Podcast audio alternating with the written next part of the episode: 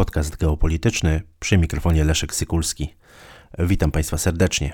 29 sierpnia 2022 roku podczas swojej wizyty w Czechach kanclerz Niemiec Olaf Scholz mm, wygłosił na Uniwersytecie Karola w Pradze 45-minutowy wykład poświęcony przyszłości integracji europejskiej. To istotny głos w debacie o y, przyszłości mm, Europy, zwłaszcza w kontekście tych wszystkich przemian geopolitycznych, które właśnie obserwujemy, także oczywiście w kontekście wojny na Ukrainie. Niewątpliwie kanclerz Scholz próbuje odzyskać inicjatywę polityczną w Europie. Nadwątloną y, oczywiście tym wsparciem Niemiec dla, dla Rosji przez ostatnie 20 lat. Mówimy tutaj oczywiście o wsparciu gospodarczym i tej współpracy chociażby energetycznej w, w, w, obszarze, w obszarze bezpieczeństwa energetycznego i uzależnienia tak naprawdę gospodarki niemieckiej od rosyjskiego gazu. Mm, niewątpliwie warto zwrócić uwagę na kilka istotnych punktów wykładu kanclerza Scholza, ponieważ one pokazują, są takim odbiciem spojrzenia niemieckiego establishmentu właśnie na przyszłość integracji europejskiej, a co za tym idzie także na bezpieczeństwo państwa polskiego. Niemiecki kanclerz y, wymienił, wyodrębnił cztery obszary, w których jego zdaniem Unia Europejska wymaga reform. Y, pierwszy obszar to rozszerzenie i reforma instytucjonalna Unii Europejskiej. Obszar drugi y, to europejska suwerenność. Trzeci obszar to nic innego jak polityka migracyjna oraz polityka finansowa. I wreszcie czwarty, czwarty obszar to kwestia praworządności. Y, zacznijmy od y, pierwszego obszaru, od kwestii reformy instytucjonalnej Unii Europejskiej. I tutaj wysuwa się na plan pierwszy postulat rezygnacji z zasady jednomyślności podczas głosowań w Radzie Unii Europejskiej. Zdaniem niemieckiego polityka wprowadzanie tej zasady jednomyślności powinno odbywać się stopniowo i rozpoczynać od y, tych obszarów, gdzie, jak to ujął, jest szczególnie ważne, abyśmy mówili jednym głosem. Koniec cytatu. Mm, chodziło tutaj przede wszystkim niemieckiemu kanclerzowi o reżim sankcyjny czy kwestie praw człowieka. No trudno nie odnieść y, wrażenia, czy trudno nie być w ogóle przekonanym, że likwidacja zasady jednomyślności jest niczym innym jak poważnym, y, poważnym krokiem w stronę Europy federalnej. Zresztą Niemcy tego nie kryją. Jak wielokrotnie wspominałem na łamach podcastu geopolitycznego, y, umowa koalicyjna i tej tej koalicji, która obecnie rządzi Niemcami, czyli SPD, FDP i Zielonych, y, no, właśnie y, zawiera w sobie postulat, y, postulat przeprowadzenia tej reformy Unii Europejskiej w kierunku stworzenia państwa, państwa federalnego, stworzenia Europy federalnej, państwa o charakterze federacyjnym. Jeśli chodzi o ten obszar rozszerzenia i reformy instytucjonalnej Unii Europejskiej, to niemiecki polityk poparł członkostwo w Unii państw Bałkanów Zachodnich, Ukrainy, Mołdawii, a w bardziej odległej przyszłości także Gruzji, natomiast zaznaczył bardzo, bardzo mocno, że warunkami rozszerzenia o te, o te kraje jest właśnie przeprowadzenie reform instytucjonalnych i zaakceptowanie między innymi właśnie rezygnacji z zasady jednomyślności. Tutaj też warto zauważyć, że ta reforma instytucjonalna zdaniem niemieckiego kanclerza mm, powinna, mm, powinna wprowadzić nowy mechanizm przydzielania państwom członkowskim liczby deputowanych w Parlamencie Europejskim i, e, i dostosowania liczby, liczby komisarzy do Unii, która no, liczyłaby więcej państw niż, e, niż obecnie. Mm, zaproponował, żeby została utrzymana ta zasada jedno państwo, jeden, e, jeden komisarz, natomiast za kierowanie poszczególnymi dyrekcjami generalnymi mogliby odpowiadać dwaj, dwaj komisarze. Myślę, że myślę, że tutaj szczególnie w tym obszarze mm, należy, należy wyeksponować te kwestie mm, niemieckiego bardzo twardego stanowiska, jeśli chodzi o kwestię rezygnacji z zasady jednomyślności. Mm, drugi obszar poruszony przez Olafa Scholza to e, europejska suwerenność. E, I tutaj bardzo istotnym elementem europejskiej suwerenności ma być polityka polityka obronna. Y, kanclerz Niemiec poparł utworzenie do 2025 roku dowództwa wojskowego Unii Europejskiej, a także utworzenia sił szybkiego reagowania. I tutaj bardzo ważne, e, ważna uwaga i też ważne podkreślenie, że e, trzonem sił szybkiego reagowania ma być Bundeswehra. E, zresztą zostało to uzgodnione w kompasie strategicznym Unii Europejskiej. Kompas strategiczny omawiałem w podcaście geopolitycznym, ale mamy tutaj do czynienia z bardzo konsekwentną wizją polityki obronnej Unii Europejskiej i to, że Bundeswehra ma stanowić trzon sił szybkiego reagowania, też jest no, moim zdaniem niebagatelne i, i, i, i warto, to, warto to podkreślić. Kanclerz Scholz zapowiedział różnego rodzaju starania na rzecz zerwania jednostronnych zależności surowcowych, zależności technologicznych. Mówi się tutaj o stworzeniu gospodarki tak zwanego zamkniętego obiegu i wykorzystania własnych zasobów surowcowych. Jest tutaj omawiana ta strategia Made in Europe 2030, mówi się o transformacji w kierunku neutralności klimatycznej itd., tak itd. Tak Wiemy doskonale, że Niemcy chcą eksportować swoje e, technologie, jeśli chodzi o e, energetykę odnawialną i tutaj niewątpliwie cały czas mm, kanclerz Niemiec stoi na, na, straży, na straży tych postulatów. E, trzeci obszar poruszony przez niemieckiego polityka to polityka migracyjna i finansowa. Tutaj właściwie padły y, te same postulaty, y, które już od dłuższego czasu Niemcy przedstawiają, a mianowicie chociażby postulat umożliwienia legalnej migracji zarobkowej na terenie Unii Europejskiej. Pewną nowością jest, mm, jest takie przedstawienie propozycji ułatwień w poszukiwaniu pracy dla osób, które y, otrzymały ochronę prawną w, w całej Unii Europejskiej. Natomiast też warto zwrócić uwagę na te propozycje reform zasad fiskalnych. Tutaj mm, padły bardzo ciekawe słowa. Myślę, że, że warto to przytoczyć ten cytat. Niemiecki kanclerz powiedział, że cytuję: Wspólny obszar walutowy wymaga wspólnych zasad, które można obserwować i sprawdzać. Koniec cytatu. Widać y, ewidentnie y, bardzo silną tendencję do, y, do centralizacji tej polityki, polityki fiskalnej, stworzenia tych zasad fiskalnych centralnie kontrolowanych, to nic innego jak moim zdaniem kolejny bardzo istotny krok do, mm, do stworzenia państwa mm, o charakterze federacyjnym, przekształcenia Unii Europejskiej w państwo o charakterze federacyjnym. Y, czwarty y, obszar, jeden z no, chyba najbardziej tutaj y, kontrowersyjny, biorąc pod uwagę mm, ostatnie także, ostatnie także relacje na linii Bruksela-Warszawa czy Bruksela-Budapeszt, a mianowicie obszar zatytułowany praworządność. No, kanclerz Niemiec stwierdził, że w Europie rasizm i antysemityzm nie będą tolerowane. Mm, bardzo mocno skrytykował pojęcie nieliberalnej demokracji tutaj zdecydowanie stwierdził, że coś takiego nie może, e, nie może istnieć i e, stwierdził, że jego zdaniem większość obywateli, mm, większość obywateli w Unii Europejskiej życzy sobie mocniejszego zaangażowania Unii Europejskiej na rzecz wolności i demokracji właśnie w ich krajach. Trudno powiedzieć, na jakich, na jakich danach, danych, na jakich sondażach mógł się oprzeć niemiecki kanclerz. W żaden sposób nie, nie przytoczył żadnego źródła w tym zakresie, natomiast bardzo charakterystyczna jest właśnie ta forma, ta forma narracji, że Niemcy wiedzą y, lepiej od innych państw, co jest dla nich, co jest dla nich dobre. Tak można byłoby to nieco, nie, nieco, nieco nawet groteskowo przedstawić. Niestety, niestety rzeczywiście tak, y, takie można odnieść wrażenie, mm, słuchając, y, słuchając tego przemówienia niemieckiego, niemieckiego kanclerza.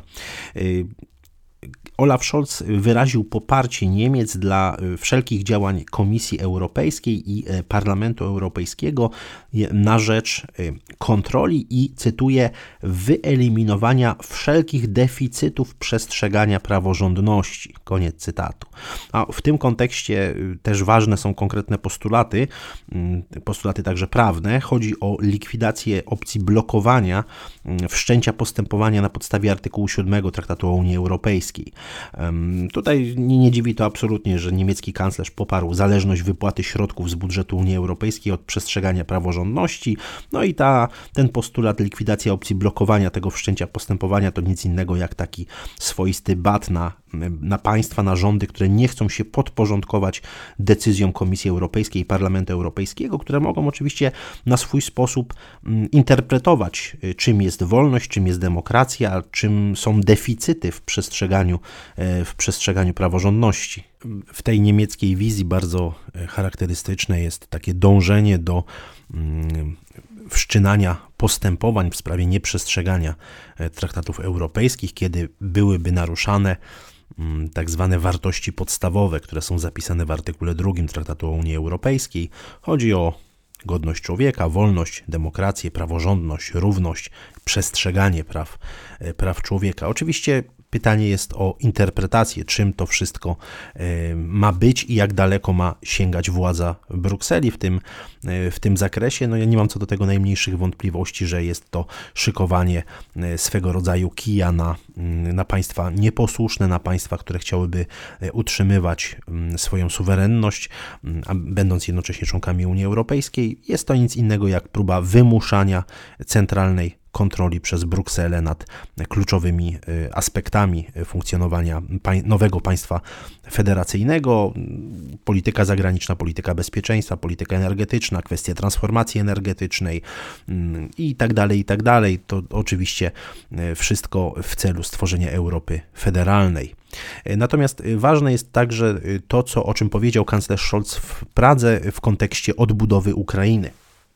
25 października 2022 roku w Berlinie ma zostać zorganizowana międzynarodowa konferencja ekspertów, e, którzy właśnie mają podjąć się tutaj próby e, no, można powiedzieć, przedyskutowania e, kwestii i podjęcia pewnych decyzji, jeśli chodzi o kwestię odbudowy e, Ukrainy i o większą koordynację wsparcia dla, dla Kijowa. To też bardzo ciekawe, że Niemcy starają się przejąć inicjatywę, jeśli chodzi o kwestię odbudowy Ukrainy, e, biorąc pod uwagę to, jak niewiele tak naprawdę Berlin pomógł Ukrainie w sensie militarnym. Widać, jak e, sprytna, jak przebiegła jest polityka, e, polityka niemiecka. Widać, że Niemcy mm, tak naprawdę minimalnie angażując się we wsparcie militarne dla e, Ukrainy, starają się jak najwięcej zyskać tutaj gospodarczo.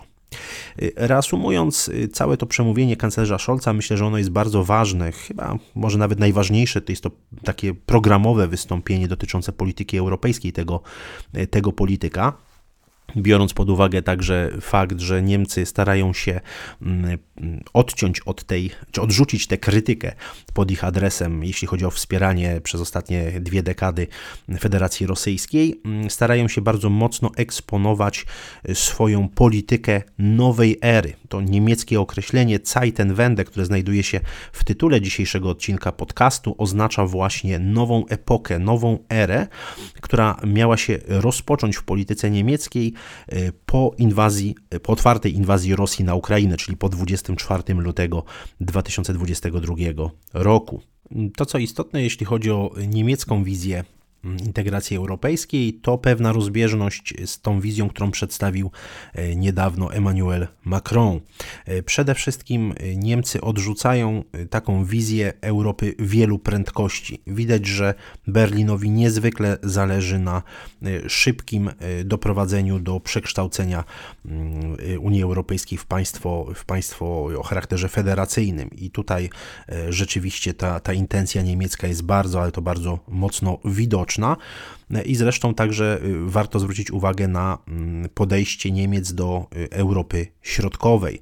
Y, mówiąc o polityce obronnej, no, kanclerz Niemiec zasugerował stworzenie przez Berlin systemu obrony powietrznej, jednolitego systemu obrony powietrznej, w którym mogłyby się włączyć państwa Europy Środkowej i Północnej to niewątpliwie, yy, znaczy ta propozycja jest, nie, nie była poparta żadnymi, żadnymi konkretami, natomiast był to niewątpliwie pewien sygnał, pewien taki powiedziałbym nawet balon próbny, jak jak całe zresztą to wystąpienie i większość tych propozycji niemieckiego kanclerza, mm, jak, jak przywódcy państw Europy Środkowej i Europy Północnej właśnie zareagują na tego typu propozycje rozwiązań ponadnarodowych. No, w kontekście systemu obrony przeciwlotniczej i przeciwrakietowej to nie są zupełnie nowe propozycje, one już zresztą były, były wcześniej zgłaszane, natomiast niewątpliwie wojna na Ukrainie dała silniejszy impuls, dała jeszcze większy pretekst Niemcom do właśnie próby wdrażania tego typu rozwiązań ponadnarodowych, jeśli chodzi o obszar polityki obronnej. No, stworzenie systemu obrony powietrznej, w który włączone byłyby takie państwa jak Polska, Litwa, Łotwa, Estonia, y, inne państwa także Europy Środkowej, a który byłby to system tworzony przez Berlin, no niewątpliwie dawałoby to y, bardzo y, dużą, dużą swobodę w kształtowaniu polityki zagranicznej i bezpieczeństwa na szczeblu już całej Unii Europejskiej. Oczywiście swobodę dla, dla Berlina. Myślę, że też warto zwrócić uwagę w ogóle w tym, w tym przemówieniu kanclerza Scholza na sposób traktowania Europy Środkowej przez Berlin. Tutaj przede wszystkim warto zauważyć, że Niemcy mm, chcą prowadzić wobec Mitteleuropy, jak to nazywają, politykę bardzo zróżnicowaną, gdzie właściwie ta zasada dziel i rządź bardzo, bardzo mocno jest eksponowana, biorąc pod uwagę mm, kwestię no, mocnego poparcia przez y, Olafa Scholza dla działań Komisji Europejskiej i Parlamentu Europejskiego w sprawie stosowania artykułu 7 wobec y, i Polski, i Węgier za tak zwane łamanie prawa praworządności, no i oczywiście potencjalne e, objęcie, e, objęcie karami naruszeń tego artykułu drugiego mówiącego o tych, o tych wartościach podstawowych. No niewątpliwie Niemcy y, starają się moim zdaniem y, dzisiaj realizować geopolityczną koncepcję Mitteleuropy nowymi, y, nowymi narzędziami, już nie militarnymi, ale, ale politycznymi, dyplomatycznymi, wykorzystując jako lewar swoją silną pozycję w Unii Europejskiej, bardzo sprawnie poruszając się po tych, powiedziałbym, obszarach ideologicznych, nowych ideologicznych i wykorzystując to do celów politycznych. Niewątpliwie ta wojna na e, Ukrainie stała się świetnym pretekstem e, dla Niemiec do wymuszania wręcz tej, tego przekształcania Unii Europejskiej w e, państwo o charakterze federacyjnym i tworzenie Europy Federalnej staje się dzisiaj no tak naprawdę jednym z absolutnie podstawowych celów polityki zagranicznej i bezpieczeństwa Republiki Federalnej Niemiec, a ograniczenie suwerenności państw takich jak Polska czy Węgry mm, za pomocą chociażby właśnie tego tego mechanizmu mówiącego o łamaniu praworządności, tak zwanej praworządności, mm, jest bardzo, bardzo wygodnym pretekstem, jest takim bardzo wygodnym narzędziem dla, y, dla Niemiec. Y, w tym kontekście no niewątpliwie warto y, podkreślać to zagrożenie mm, dla suwerenności państwa polskiego i możliwości ograniczenia naszej swobody, jeśli chodzi o kształtowanie polityki zagranicznej i bezpieczeństwa, polityki gospodarczej, polityki energetycznej, bo widać, że tutaj są bardzo silne rozbieżności między Berlinem a Warszawą. Dziękuję Państwu za uwagę.